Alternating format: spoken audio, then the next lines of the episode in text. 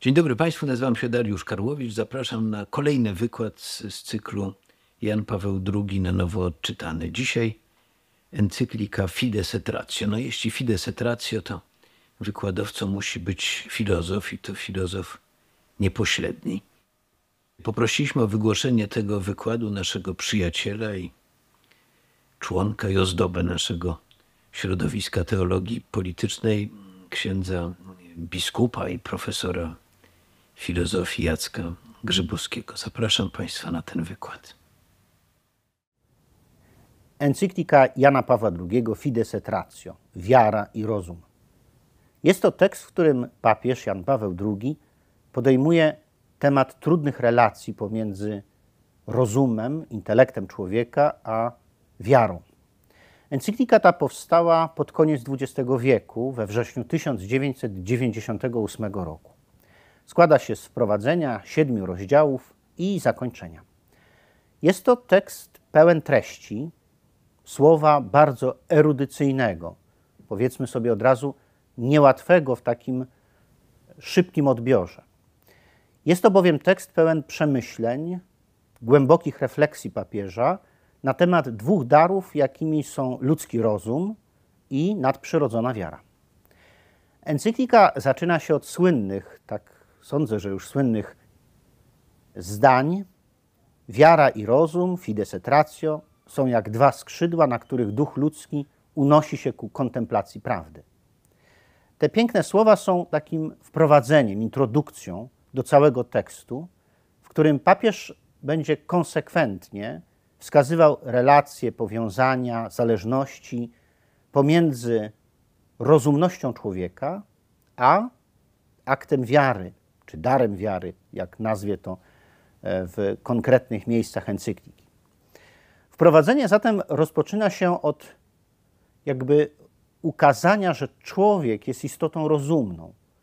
I tutaj papież przypomina, czy jakby ukazuje nam słowa wyryte w architrawie starożytnej greckiej świątyni w Delfach. Słowa, które sądzę zna każdy z nas, a które stały się motywem sokratejskich rozważań w dialogach, które opisał Platon. Poznaj samego siebie. Papież mówi, że spotkanie z prawdą, tym czym jest prawda, zawsze powinno zacząć się od samego siebie. Im bardziej człowiek poznaje rzeczywistość, pisze Ojciec Święty, tym lepiej zna siebie jako istotę jedyną w swoim rodzaju, a zarazem istotę coraz bardziej zagadkową. I dlatego naglące jest pytanie o sens rzeczy, o sens własnego istnienia. Papież wyraźnie mówi na początku encykliki takie filozoficzne credo. Wszystko zaczyna się od pytań, których nikt nie uniknie. Kto pozwolił się obudzić rozumowi, zawsze pyta, kim jestem, skąd przychodzę i dokąd podążam, dlaczego istnieje zło, co czeka mnie po tym życiu. Pytania te nie są obce człowiekowi w ogóle. Każdy człowiek na pewnym etapie swojego życia powinien je zadać.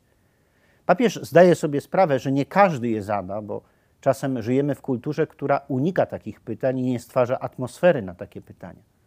Ale rozum obudzony właśnie od tych pytań zaczyna swoją drogę. Pytania te są obecne w świętych pismach Izraela. Znajdujemy je w Wedach, w pismach Konfucjusza czy Lao Tse, w przepowiadaniu Buddy, są obecne w poematach Homera czy w tragediach Eurypidesa i Sofoklesa, w pismach filozoficznych Platona i Arystotelesa. Wspólnym źródłem tych pytań jest potrzeba sensu, którą człowiek od początku bardzo mocno odczuwa w swoim sercu. Od odpowiedzi na te pytania zależy bowiem, jaki kierunek nada człowiek swojemu życiu. Te pytania, mówi Ojciec Święty, są fundamentalne. Każdy zatem pragnie poznać prawdę o tym, kim jest, co go czeka. Chce na przykład wiedzieć, czy śmierć jest ostatecznym kresem istnienia, czy też wykracza coś poza śmierć, jakiś rodzaj świadomości istnienia. Czy wolno zachować nadzieję na życie po śmierci, czy też filozofowie mogą nam ukazać odpowiedzi, w których życie nadprzyrodzone, nieśmiertelność w ogóle nie istnieją. Tych pytań, mówi Jan Paweł II, nikt nie może uniknąć. Ani filozof, czyli ktoś, kto jest mędrcem niejako z zawodu, ani zwykły człowiek. Od odpowiedzi na te pytania, powtórzmy, zależy decydujący kształt życia człowieka. Właściwie zależy także osiągnięcie czegoś, co można nazwać prawdą uniwersalną i absolutną, bo o tym mówi Jan Paweł II. Ze swej natury każda prawda, nawet cząstkowa, jeśli jest rzeczywiście prawdą, jawi się jako uniwersalna. To, co prawdziwe, musi być prawdziwe zawsze i dla wszystkich. Powszechność prawdy, przypomina Jan Paweł II, to jest powszechność poszukiwania tego, co absolutne, ale także absolutu pisanego wielką literą. Boga, który mógłby dostarczyć odpowiedzi na wszystkie ludzkie poszukiwania, nadać sens istnieniu ludzkiemu.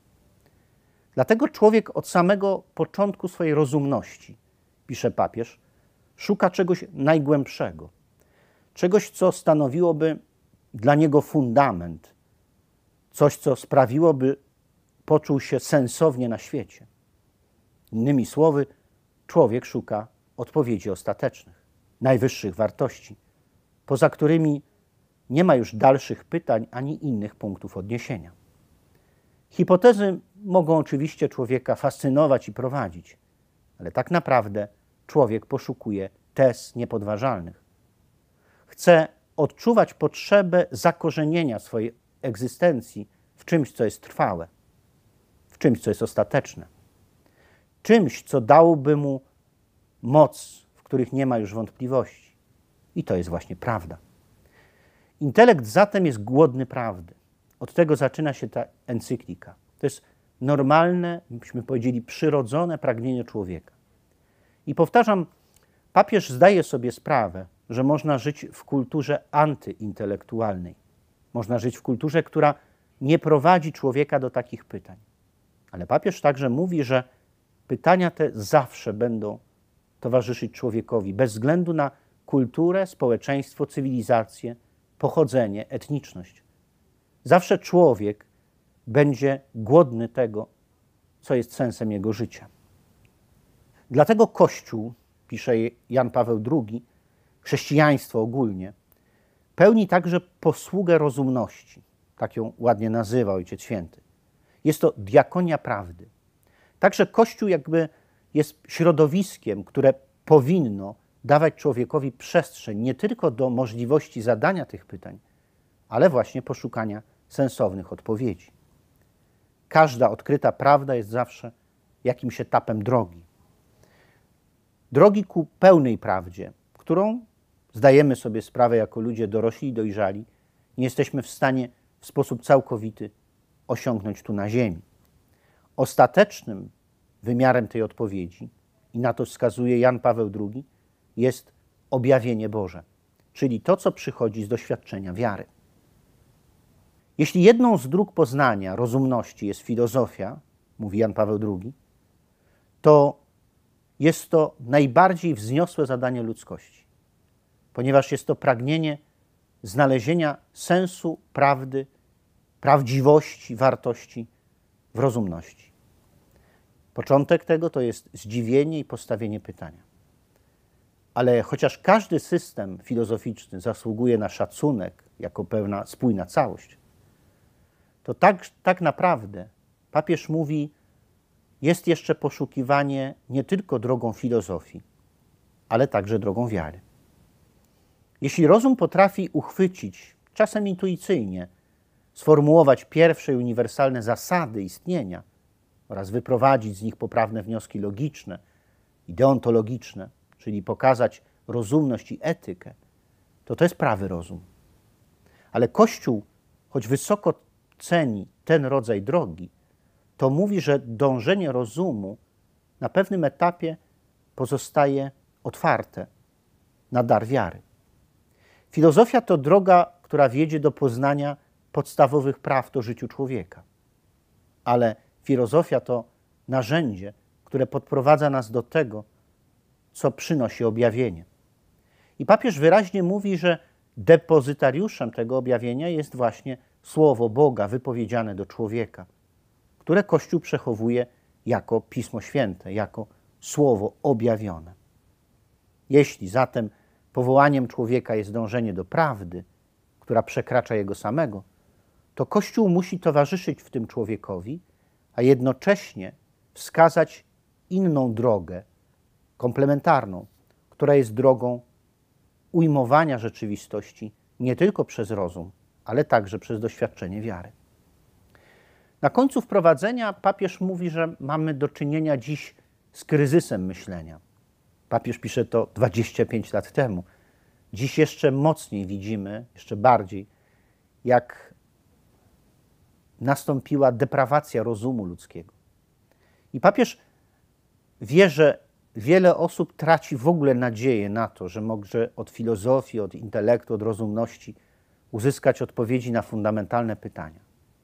Dlatego to zadanie Kościoła dzisiaj jest szczególnie istotne, bo Kościół mocą autorytetu, który posiada jako depozytariusz objawienia Jezusa Chrystusa, chce potwierdzić konieczność refleksji na temat prawdy.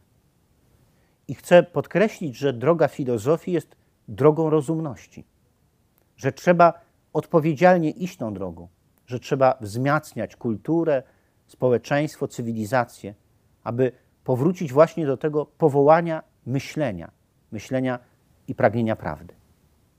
Tak kończy się wprowadzenie encykliki. Jak widzicie Państwo, bardzo bogate w treści i bardzo głębokie.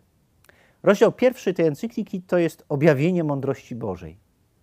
I w tym pierwszym rozdziale Jan Paweł II mówi, że Kościół nie zyskał swoich najistotniejszych, najcenniejszych, najważniejszych treści w drodze samodzielnych przemyśleń, choćby najwznioślejszych, ale dzięki przyjęciu daru objawienia. U początku wiary nie ma doświadczenia przyrodzonego. U początku wiary znajduje się spotkanie jedyne w swoim rodzaju. Jest to spotkanie, które jest spotkaniem z tajemnicą. Jest to po prostu spotkanie z Bogiem, który sam siebie objawił. Spodobało się Bogu w swojej dobroci i mądrości objawić siebie samego i ujawnić nam tajemnicę swojej woli. Przede wszystkim Pan Bóg się objawia, jakby daje swoją treść.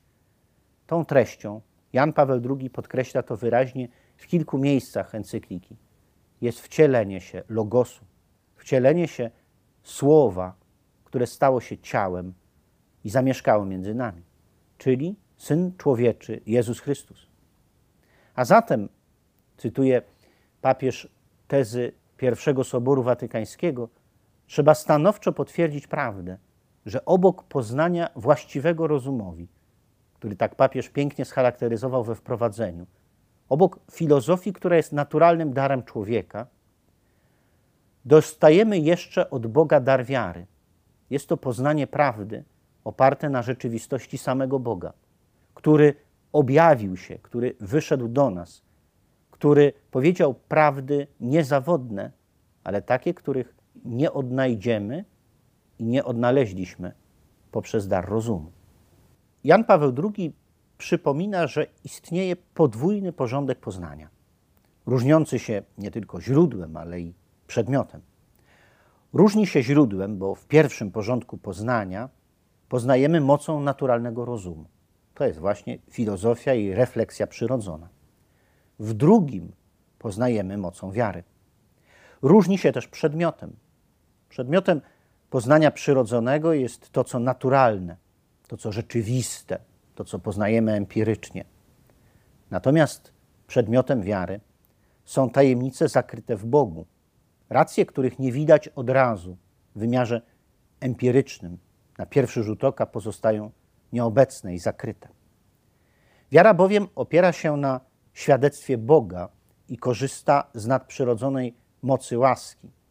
Należy do porządku innego niż porządek filozoficzny, chociaż, i to będzie papież podkreślał w dalszych swoich treściach tej encykliki, należy także do komplementarnej refleksji ludzkiej. Najgłębsza prawda ujawnia się, papież podkreśla to bardzo mocno, w Logosie Słowie, które stało się człowiekiem, w Jezusie Chrystusie. Ale i tutaj intelekt nie jest zawieszony, intelekt nie jest zwolniony ze swojej pracy. Tak naprawdę tajemnica Boga ujawniona w Jezusie Chrystusie, domaga się właśnie racji rozumu. Wcielenie Syna Bożego, pisze Jan Paweł II, pozwala nam zobaczyć rzeczywistość ostatecznej syntezy, której umysł ludzki nie da rady dojść własnymi siłami. Wieczność wkracza w czas. Wszystko ukryte jest w małej cząstce, a Bóg przybiera postać człowieka. Prawda zawarta w objawieniu Chrystusa nie jest zatem zamknięta w cielesnych granicach terytorialnych i kulturowych. Jest prawdą uniwersalną, prawdą zbawczą, do której dochodzimy jednak przez dar wiary, nie przez dar rozumu. W tym objawieniu zostaje ofiarowana człowiekowi ostateczna prawda o jego życiu, historii i celu dziejów. Tajemnica człowieka wyjaśnia się naprawdę dopiero w tajemnicy Słowa Wcielonego. Tak stwierdza pięknie Gaudium et Spes, jedna z najważniejszych konstytucji II Soboru Watykańskiego. Poza tą perspektywą tajemnica osobowego istnienia pozostaje zagadką, której nigdy nie da się rozwiązać. Gdzież indziej, pisze papież, jeśli nie w świecie promieniującym z tajemnicy męki, śmierci i zmartwychwstania Chrystusa, człowiek ma szukać odpowiedzi na dramatyczne pytania, jakie stawia sobie w obliczu bólu, śmierci, cierpienia niewinnych, tragedii. Nasze poznanie, które dotyczy tych treści, jest cząstkowe. Pojmujemy i potrafimy uchwycić tylko część z tego. Jednak sporo możemy doświadczyć właśnie przez wiarę. W Kościele doświadczenie wiary w sposób pełny zostaje ujawnione w tym, że Bóg wychodzi do człowieka i jest rękojmią tej tajemnicy, którą określa. Nieodzownym warunkiem tego jednak jest wolność. Papież podkreśla to bardzo mocno. Wolność nie tylko towarzyszy wierze, ale przede wszystkim jest nieodzownym warunkiem wiary. Bez wolności nie ma prawej rozumności, bez wolności nie ma też daru wiary. Prawda, jeśli chcemy ją poznać, musi być uchwycona w wolności. Jest owocem, który otrzymujemy właśnie poprzez to, że jako ludzie wolni przyjęliśmy i dar rozumu, i bezinteresowny dar wiary. To pobudza myślenie i domaga się wyrażenia go poprzez swoje życie. Rozdział drugi encykliki zatytułowany jest frazą łacińską credo ut intellegam. Wierzę, żeby zrozumieć. Papież oczywiście zaczerpnął tę frazę od świętego Anselma z Canterbury, którego nazywamy ojcem scholastyki. Pisze papież, że głęboka i nierozerwalna jedność pomiędzy rozumowym poznaniem a poznaniem wiary wkracza wymiar autonomii wtedy, kiedy przyjmujemy treści wiary, ale jednocześnie chcemy dotknąć się rozumem. Na tym polega przepiękne spotkanie rozumności i nadprzyrodzoności. Nie można rozdzielać wiary i rozumu, pisze Ojciec Święty. Nie można pozbawić człowieka możliwości stawiania pytań, a jednocześnie przyjęcia daru objawienia, jakim Bóg obdarza świat i człowieka. I to jest piękne, że papież mówi, nie ma rywalizacji pomiędzy wiarą a rozumem. Te rzeczywistości wzajemnie się przenikają. Każda ma własną przestrzeń, każda ma swój rodzaj autonomii, każda realizuje się w innym wymiarze ludzkiej aktywności. Ale to jest właśnie piękno ludzkiego poznania. To jest jego nieustanna wędrówka wędrówka rozumu i wędrówka wiary. W drugim rozdziale encykliki papież podejmuje analizę słynnego fragmentu pierwszego rozdziału listu świętego Pawła do Rzymian, gdzie apostoł mówi o tym, że przez sam rozum, poznanie intelektualne stworzenia, człowiek może odkryć prawdę o Bogu, o sobie, o świecie. Ale, i tutaj są zaskakujące słowa Jana Pawła II, mądrość krzyża przekracza wszystkie granice kulturowe. Wszystko, co można by narzucić człowiekowi.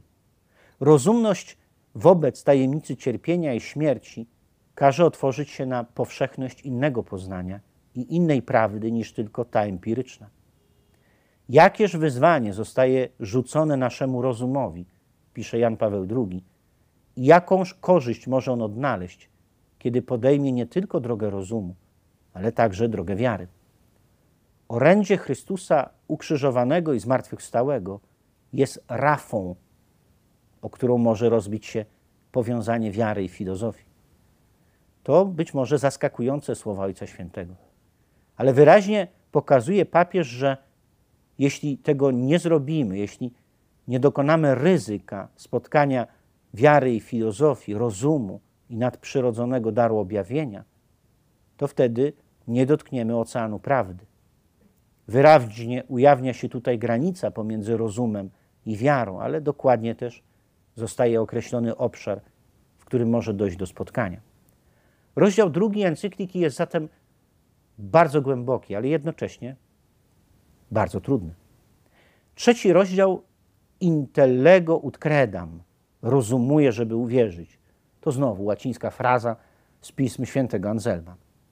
Tutaj na samym początku tego rozdziału pojawia się słynne, znane nam wszystkim zdanie z pierwszej księgi metafizyki Arystotelesa. Pantes anthropoi tuei denaio regontai fydzei. Wszyscy ludzie z natury pragną poznać. To jest podstawowe pragnienie człowieka. Wiedzieć, jak jest. Wiedzieć, jaka jest prawda. Cytuję tutaj e, papież Augustyna bardzo pięknie, który komentuje z kolei te właśnie fundamentalne wywody Arystotelesa. Augustyn pisał: Wielu spotkałem takich ludzi, którzy chcieliby oszukiwać, ale takiego, który by chciał być oszukiwany, nie spotkałem. Słusznie zatem uważa się, że człowiek osiągnął wiek dojrzały wtedy, jeśli potrafi o własnych siłach odróżnić prawdę od fałszu. Wtedy dziecko przestaje być ostatecznie dzieckiem, a staje na drodze ku dojrzałości. Wtedy człowiek wyrabia sobie własny pogląd, sąd o obiektywnym stanie rzeczy. I tu właśnie jest motywacja wielorakich, filozoficznych i nadprzyrodzonych poszukiwań człowieka. Tutaj także, mówi Jan Paweł II, odsłania się godność osoby ludzkiej. Poszukiwanie prawdy, tak ujęte, prowadzi jednak do kolejnej kwestii. Poznanie jest ściśle związane, jak wspomniałem, z wolnością, a wolność nie istnieje bez moralności. Jeśli istnieje prawo do poszukiwania prawdy na własnej drodze, pisze Jan Paweł II, to bardziej podstawowy w stosunku do niego jest ciążący na nas, na każdym człowieku, poważny obowiązek moralny poszukiwania prawdy i trwania przy niej, kiedy się ją odnajdzie. To bardzo ważny punkt encykliki, ponieważ papież mówi, po pierwsze, każdy człowiek pragnie poznać prawdę. Po drugie, jeśli w wolności poznałeś prawdę, powinieneś trwać przy niej i bronić jej. Dla papieża religijność jest także formą poznania. Ona bowiem stanowi, tak on pisze, najwznioślejszy wyraz osoby ludzkiej. Jest szczytem rozumnej natury człowieka. Wypływa z dążenia człowieka do prawdy, a stanowi jednocześnie swobodę osobistego poszukiwania Boga jako odpowiedzi na najtrudniejsze pytania. Prawda, papież wie, że to objawienie w Jezusie Chrystusie nie jest zatem sprzeczna z prawdami, jakich można dojść drogą refleksji filozoficznej. Przeciwnie, te dwa porządki, kolejny raz podkreśla to Jan Paweł II, prowadzą do pełni poznania. Jedność prawdy jest tutaj podstawowym postulatem, jest pragnieniem ludzkiego rozumu. Jak mówiliśmy, jeśli coś jest prawdziwe, jest prawdziwe uniwersalnie, zawsze, wszędzie, w każdym momencie. Stwórca zatem, jeśli ukrył w rzeczywistości prawdę, to każdy może ją odkryć, ale każdy także powinien wobec tego odkrycia poczuć się odpowiedzialny. Rozdział czwarty encykliki Jana Pawła II nosi tytuł Relacja pomiędzy wiarą a rozumem. Na samym początku od razu pojawia się przykład dwóch ważnych postaci starożytności: świętego Justyna Męczennika i świętego Klemensa Aleksandryjskiego. To dwaj wielcy uczeni, którzy mieli ogromne wykształcenie, byli ludźmi wielkiej ówcześnie erudycji i przygotowania intelektualnego. Obaj jednak byli głęboko wierzącymi chrześcijanami. Jan Paweł II przywołuje ich jako przykłady ludzi, którzy w sposób harmonijny, syntetyczny podjęli pracę rozumu i przyjęli dar wiary. Justyn Męczennik, chociaż zachował wielkie uznanie dla filozofii, jego biografii wiemy, że właściwie uczestniczył w pracach wszystkich szkół filozoficznych ówczesnego świata, ówczesnej starożytności. To jednak po swoim nawróceniu, pod koniec życia, stanowczo i jednoznacznie stwierdził: W chrześcijaństwie znalazłem jedyną, niezawodną i przydatną filozofię. Święty Klemens Aleksandryjski, wielki erudyta i uczony, powiedział: Ewangelia jest dla mnie prawdziwą filozofią. Papież przywołuje te postaci, żeby pokazać, że ludzie bardzo dobrze wykształceni, ludzie rozumni i mądrzy, nie wstydzili się ukazać tego, co dała im wiara, co stało się dla nich perspektywą nowej drogi, kiedy przyjęli orędzie zbawcze Jezusa Chrystusa. Papież mówi także o przywołanym już przeze mnie ojcu scholastyki, świętym Anselmie z Canterbury, który ukuł wspomniane już dwie fundamentalne frazy: credo ut intellegam, wierzę, żeby rozumieć, i intellego ut credam, rozumuję, żeby wierzyć. Jednak w tym czwartym rozdziale szczególną rolę dla papieża jako człowieka syntezy odgrywa święty Tomasz Zakwinu. Doktor Anielski to człowiek, który nie lęka się rozumu, wręcz szuka jego pomocy, w nim pokłada ufność. Ten wielki doktor Kościoła był przekonany, że wiara w jakiś sposób jest zawsze czynnością rozumu, czynnością myśli. Ludzki rozum nie musi, nie zaprzecza samemu sobie, ani się nie upokarza, kiedy przyjmuje treści wiary. W każdym przypadku, kiedy człowiek zastanawia się nad swoją wiarą, dochodzi do rozwiązań na mocy dobrowolnego i świadomego wyboru i refleksji. Tomasz uznaje pierwszeństwo tej mądrości, nie zapomina jednak o istnieniu innych dwóch komplementarnych form mądrości filozoficznej i mądrości teologicznej. Mądrość filozoficzna opiera się na zdolności samego rozumu do badania rzeczywistości w granicach natury. Mądrość teologiczna opiera się na objawieniu, ale zadaje mu rozumne pytania i szuka rozumnych odpowiedzi. W ten sposób doktor Anielski dociera do tajemnicy samego Boga. Dlatego papież nazywa go pięknie apostołem prawdy. Przeciwstawnym wobec tej postawy jest coś, co dzisiaj niestety staje się powszechne i jest chorobą naszej kultury, a co papież, zwróćcie Państwo uwagę, 25 lat temu nazwał bardzo celnie. Tą przeciwstawną postawą jest nihilizm. Nihilizm jest źródłem rozpowszechnionego dziś poglądu, że nie należy podejmować żadnych trwałych zobowiązań. Wszystko bowiem jest ulotne, tymczasowe, zatraca się w nicości. Prawda nie istnieje, a jeśli jest, to tak naprawdę jest tylko cząstkowa, czasowa, historyczna. W tym miejscu encykliki pojawiają się zdania, które wpisują się bardzo mocno w dzisiejsze obawy i lęki związane na przykład z rozwojem techniki i pomysłowości człowieka. Papież pisze: Człowiek współczesny żyje w lęku, że jego niektóre wytwory, właśnie te, które zawierają w sobie szczególną miarę ludzkiej pomysłowości i przedsiębiorczości, mogą zostać obrócone w sposób radykalny przeciwko człowiekowi.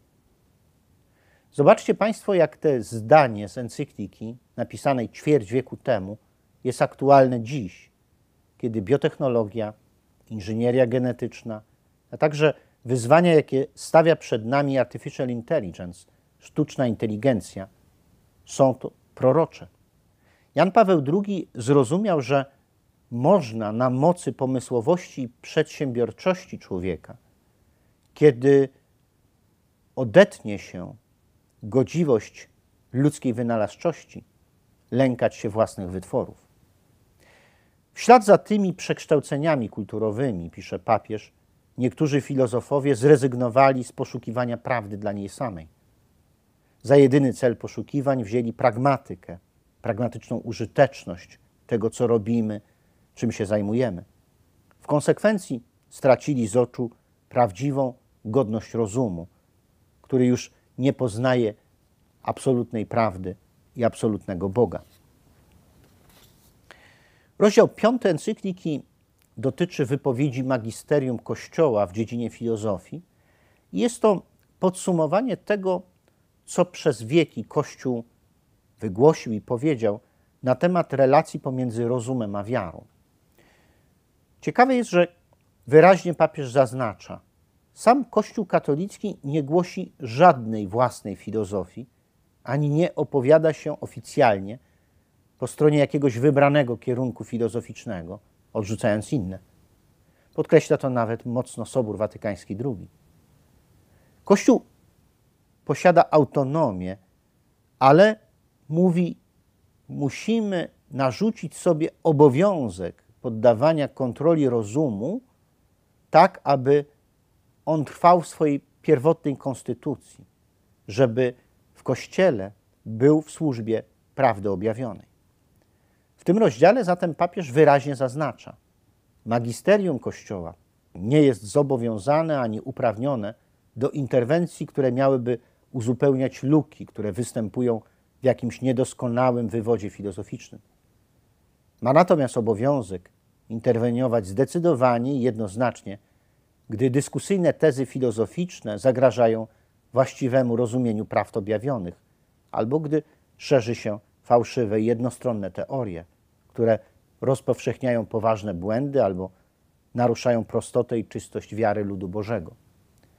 Rozumiem to zdanie jako interwencję Kościoła w sytuacjach, w których ludzie są zwiedzeni, oszukani, że Kościół jako strażnik prawdy, ale także jako strażnik rozumności musi czuwać nad tym, aby w Kościele żadna filozofia nie zagarnęła ludzi tak, aby odwieść ich od prawdy objawienia.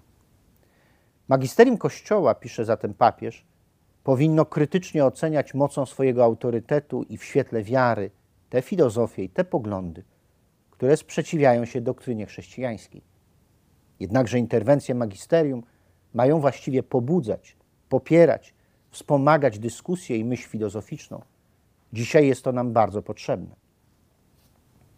W encyklice Fides et Ratio papież wiele razy cytuje fragmenty z nauczania pierwszego Soboru Watykańskiego. Przypomina, że w XIX wieku ojcowie Soboru mówili, że chociaż wiara jest ponad rozumem, nigdy nie może zaistnieć prawdziwa rozbieżność pomiędzy wiarą a rozumem. Ten sam Bóg, który objawia tajemnicę i udziela wiary, rozniecił także w ludzkim umyśle światło rozumu. Nie może zatem tenże Bóg, ojcowie Soboru mówią to bardzo wyraźnie, wyprzeć się samego siebie, ani prawda nie może zaprzeczać sama sobie. Papież podejmuje ten problem współcześnie, pokazując, że w XX wieku nurt postmodernizmu atakuje w ogóle rację rozumu. Postmodernizm głosi bowiem wręcz koniec metafizyki, a więc koniec myślenia sensownego, racjonalnego o rzeczywistości i postuluje, aby filozofia poprzestawała na zadaniach znacznie skromniejszych interpretacji faktów albo refleksją logiczną czy analityczną nad określonymi dziedzinami ludzkiej wiedzy. Postmodernizm i nihilizm są zatem współczesnymi zagrożeniami, które mogą sprawić, iż osłabimy ową diakonię rozumu. Obok nich istnieje jeszcze jedno niebezpieczeństwo, na które w tym rozdziale piątym zwraca uwagę Ojciec Święty. Jest nim fideizm.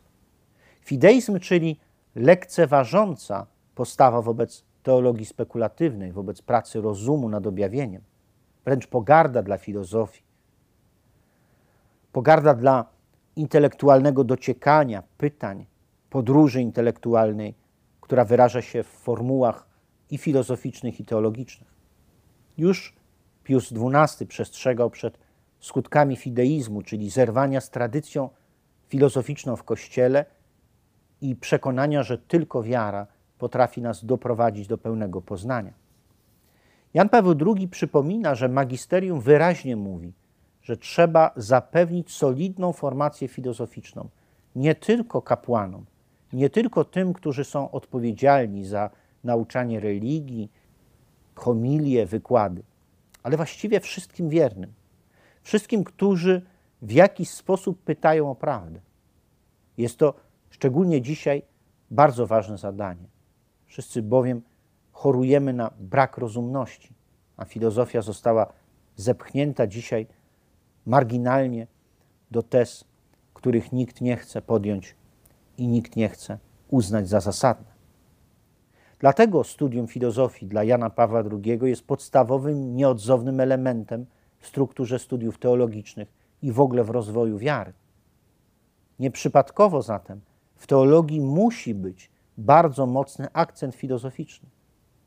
Trzeba łączyć w harmonijną całość wiedzę, która wyrasta z wielkich pytań filozoficznych i odpowiedzi, które daje teologia. Prawdziwe studium kościelne jest zatem próbą syntetycznego połączenia pytań rozumu i odpowiedzi wiary. Istnieje zatem głęboka więź, pisze Jan Paweł II, pomiędzy pracą teologa a pracą filozofa. Obowiązkiem magisterium Kościoła jest rozeznawanie i pobudzanie właśnie do tej pracy. Nie będzie bowiem rozumnej, wolnej, prawdziwej, głębokiej wiary, jeśli nie poznamy podstawowych pytań i odpowiedzi filozoficznych i tego, co nam daje objawienie. Nie będzie rozumnej, wolnej i prawdziwej wiary bez formacji zarówno filozoficznej, jak i teologicznej. W szóstym rozdziale encykliki Jan Paweł II podejmuje problem wzajemnych relacji, oddziaływania teologii i filozofii. I w tej części tego dokumentu mamy taki przegląd podstawowych dziedzin teologicznych i ich pracy intelektualnej, teologii fundamentalnej, moralnej, dogmatycznej. Jakby papież chce pokazać, że te dziedziny teologiczne są bardzo mocno związane właśnie z przygotowaniem filozoficznym. Ale także w tym rozdziale Jan Paweł II przypomina, że każdy człowiek włączony jest w jakąś kulturę i zależy od jakiejś kultury. Powinniśmy zatem budować kulturę, w której pytania filozoficzne i zagadnienia teologiczne cieszą się uznaniem. Kultura, której ojcami mamy być, takie jest pragnienie Jana Pawła II, powinna wnosić w życie intelektualne coś, co nieustannie otwiera nas na tajemnice. Nie boi się pytań, dyskusji, debat, trudnych zagadnień, ale wszystko po to, żeby naprawdę dojść do prawdy. W tej części tekstu Jan Paweł II omawia relację, jaka występuje pomiędzy filozofią a teologią i przypomina, że należy dobrze rozumieć, właściwie, głęboko i historycznie poprawnie termin filozofia chrześcijańska. Wyjaśnia, że termin ten nie oznacza, że filozofia jest chrześcijańska, czyli zabarwiona światopoglądem chrześcijańskim, tylko pokazuje, że jest filozofią, która w sposób piękny odpowiedziała na zagadnienia, które przyniosło chrześcijaństwo ze sobą 2000 lat temu.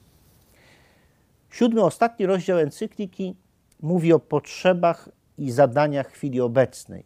Oczywiście ta chwila obecna to jest koniec XX i początek XXI wieku, bo wtedy właśnie powstaje ten dokument. Jan Paweł II był przekonany, że teologii chrześcijańskiej potrzebna jest filozofia o naprawdę głębokim metafizycznym zacięciu. Że musimy budować teologię na metafizyce, która umie wyjść poza dane doświadczenia empirycznego i postawić pytania, w których poszukiwanie prawdy jako czegoś absolutnego, ostatecznego, fundamentalnego jest dla nas najważniejsze. Konieczność tak uprawianej filozofii potrzebna jest, i tutaj Ojciec Święty wymienia, wobec właśnie niebezpiecznych nurtów postmodernizmu, nihilizmu, ale także fanatyzmu religijnego. Potrzeba filozofii, żeby dobrze uprawiać hermeneutykę biblijną, żeby uniknąć eklektyzmu, historycyzmu, scjentyzmu, pragmatyzmu i ostatecznie wspomnianego już wielokrotnie nihilizmu, czyli przekonania, że nie ma prawdy i nigdy do niej nie dojdziemy. Dobrze uprawiana filozofia, podsumowuje Jan Paweł II, ratuje nas przed tymi zagrożeniami. Ratuje nas przed pułapką popadnięcia w smutek, w zwątpienie, w rozpacz wręcz. W ostatnich akapitach encykliki Ojciec Święty wskazuje na aktualne wyzwania teologii, jej zadania, zasady, przyszłość. Zakończenie encykliki to nawiązanie do dokumentu, który został napisany pod koniec XIX wieku. Encyklika Leona XIII Eterni Patris. Powrót do klasycznej myśli świętego Tomasza z Akwinu. Myślę, że Jan Paweł II przywołuje tę piękną i ważną encyklikę, żeby pokazać, że pod koniec XX wieku także musimy podjąć rozważania na temat relacji pomiędzy wiarą a rozumem, wiarą a filozofią. I tak jak wtedy Leon XIII pod koniec XIX wieku w bardzo, naprawdę bardzo trudnym dla Kościoła okresie powiedział admentem Tome, idźcie do Tomasza. Tak samo tutaj Jan Paweł II pragnie przypomnieć obowiązek, wręcz potrzebę odzyskania przez teologię właściwej refleksji filozoficznej. Nie wskazuje już na Tomasza jako jedynego myśliciela, ale pokazuje, że doktor Anielski może być dla nas dobrym patronem, autorytetem naszych poszukiwań filozoficznych i teologicznych. Encyklika kończy się takim apelem Jana Pawła II do filozofów i wykładowców filozofii, aby idąc śladem zawsze aktualnej tradycji filozoficznej, mieli odwagę przywrócić filozofii jej wymiar autentycznej mądrości, autentycznej prawdy, także tej metafizycznej. Żeby otworzyli się na wymagania, jakie stawia Kościół w formacji ludzi, żeby umieli odpowiedzieć na pytania ludzi zagubionych, zalęknionych, żeby rozumowali w sposób piękny, argumentowali w sposób właściwy, żeby dążyli ku prawdzie, byli wrażliwi na dobro zawarte właśnie w tym, czego nauczają. Dzięki temu, tak mówi papież, będzie można zbudować autentyczną etykę, moralność, której tak dzisiaj potrzebujemy, moralność opartą na powinności rozumu i odpowiedzi wiary. Ojciec Święty kieruje te słowa, takie zachęty, jakby na sam koniec, szczególnie oczywiście do ludzi wierzących, pracujących na polu filozofii, aby mieli w sobie gorliwość i odwagę. Ale także kieruje ją do tych, którzy nie mają daru wiary, ale są w jakiś sposób odpowiedzialni za to, co dzieje się w kulturze, w cywilizacji, w edukacji, na uniwersytetach. Jan Paweł II, sam przecież przez wiele, wiele lat wykładowca filozofii na Katolickim Uniwersytecie Lubelskim, człowiek, który zetknął się z głębokim myśleniem filozoficznym i etycznym XX wieku, apeluje w tej encyklice właściwie do wszystkich ludzi rozumnych, aby umieli mieć w sobie takie pragnienie poznania i zarażali tym innych. Jakby papież nie boi się pracy rozumu. Tak ostatecznie widziałbym przesłanie tej encykliki. I mówi, kto jest rozumny, ten nie będzie naszym przeciwnikiem. Kto jest rozumny, to zawsze spotkamy się z nim gdzieś w drodze, w pytaniach i poszukiwaniach odpowiedzi. Jest to zatem, drodzy Państwo, encyklika bardzo piękna, ale od razu zaznaczam, dość trudna, erudycyjna. Właściwie papież zakładał czytelnika wiedzę na temat różnych nurtów filozoficznych, osób, które wspomina, historii filozofii, historii kultury. Jest to taka opowieść, kościelna oczywiście, jak każda encyklika, kościelna opowieść o o prawym rozumie, o potędze rozumu, jego godności, a jednocześnie o tym, że zostaje on uzupełniony o dar objawienia. I właśnie to spotkanie rozumu i wiary, jeśli komuś się ono przydarzy, to jest według Ojca Świętego czymś najpiękniejszym. Jest bowiem jakowa dwa skrzydła, które unoszą człowieka ku kontemplacji rzeczy najpiękniejszych. Zachęcam zatem Państwa bardzo serdecznie do tego, abyście zajrzeli do tego tekstu sprzed 25 lat Jana Pawła II. Fides et ratio, wiara i rozum jako wyzwanie naszej współczesności.